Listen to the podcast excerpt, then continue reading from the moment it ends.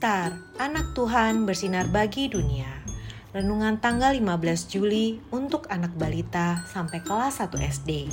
Diambil dari Kolose 3 ayat 13b. Sama seperti Tuhan telah mengampuni kamu, kamu perbuat jugalah demikian. Kolose 3 ayat 13b. Saat berpapasan dengan Kak Bintang, Mentari menunjukkan wajah cemberut sambil berlari kecil menuju kamar tidurnya. Ma, aku masih kesal pada Kak Bintang. Aku gak mau main bareng ah, kata Mentari kepada Mama. Aduh, kenapa ya Mentari? Kenapa Kak Bintang membuat Mentari kesal? Adik-adik, mana yang adik-adik pilih?